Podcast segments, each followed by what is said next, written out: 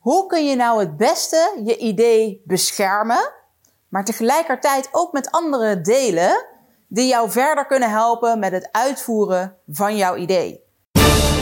Charlotte, de social media jurist van Nederland.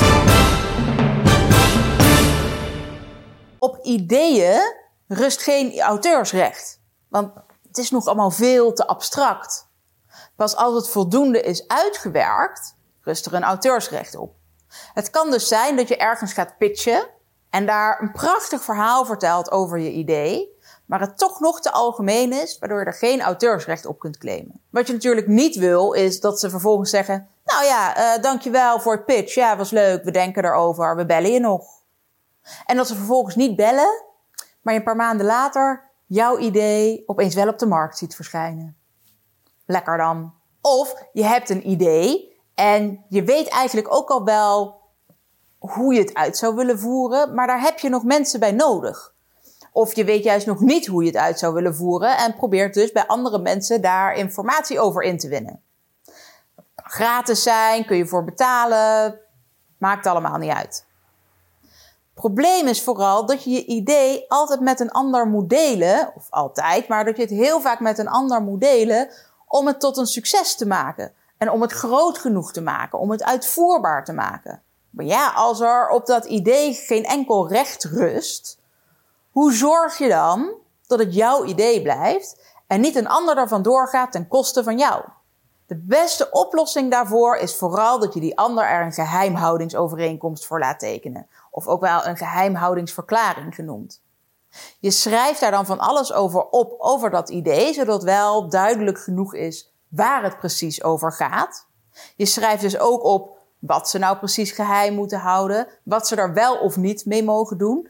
En vooral, als stok achter de deur, even een redelijk boetebeding. Moet dan weer niet zo extreem hoog worden dat een rechter het misschien zou gaan matigen. Maar het moet wel hoog genoeg zijn, zodat iemand denkt: ja, als ik het nu zou delen, zou ik er misschien dat en dat mee kunnen verdienen. Maar de boete is hoger, dus deel ik het toch maar niet. Verder kan het heel verstandig zijn om als ja, extra verzekering als het ware, je idee ook nog even te registreren als e-depot bij het BBIE, ook wel bekend als het BOIP. Dat is eigenlijk het merkenbureau, maar ze hebben dus ook een register voor ideeën. Daar kun je gewoon een bestand uploaden en dan krijg je als het ware een datumstempel. Zij zeggen dus niks over de juridische waarde ervan en of er nou auteursrecht op rust of niet. Daar gaat het niet om. Maar met die datumstempel kun je wel laten zien dat jij de eerste was met dat idee. Heb je dus bijvoorbeeld iemand zo'n geheimhoudingsverklaring laten tekenen en gaan ze toch met jouw idee aan de haal en zeggen ze achteraf: Nee, maar luister, wij hadden dat idee zelf eigenlijk al eerder. Of uh, nee, maar deze komt via een andere weg bij ons binnen en die had dat idee al eerder dan jij het had.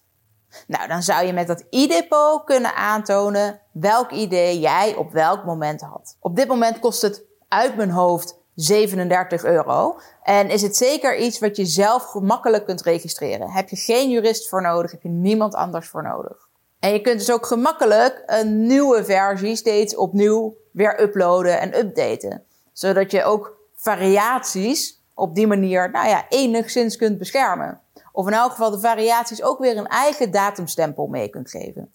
Hoe belangrijker je idee is, hoe interessanter het wordt om daar deze partientjes aan uit te geven.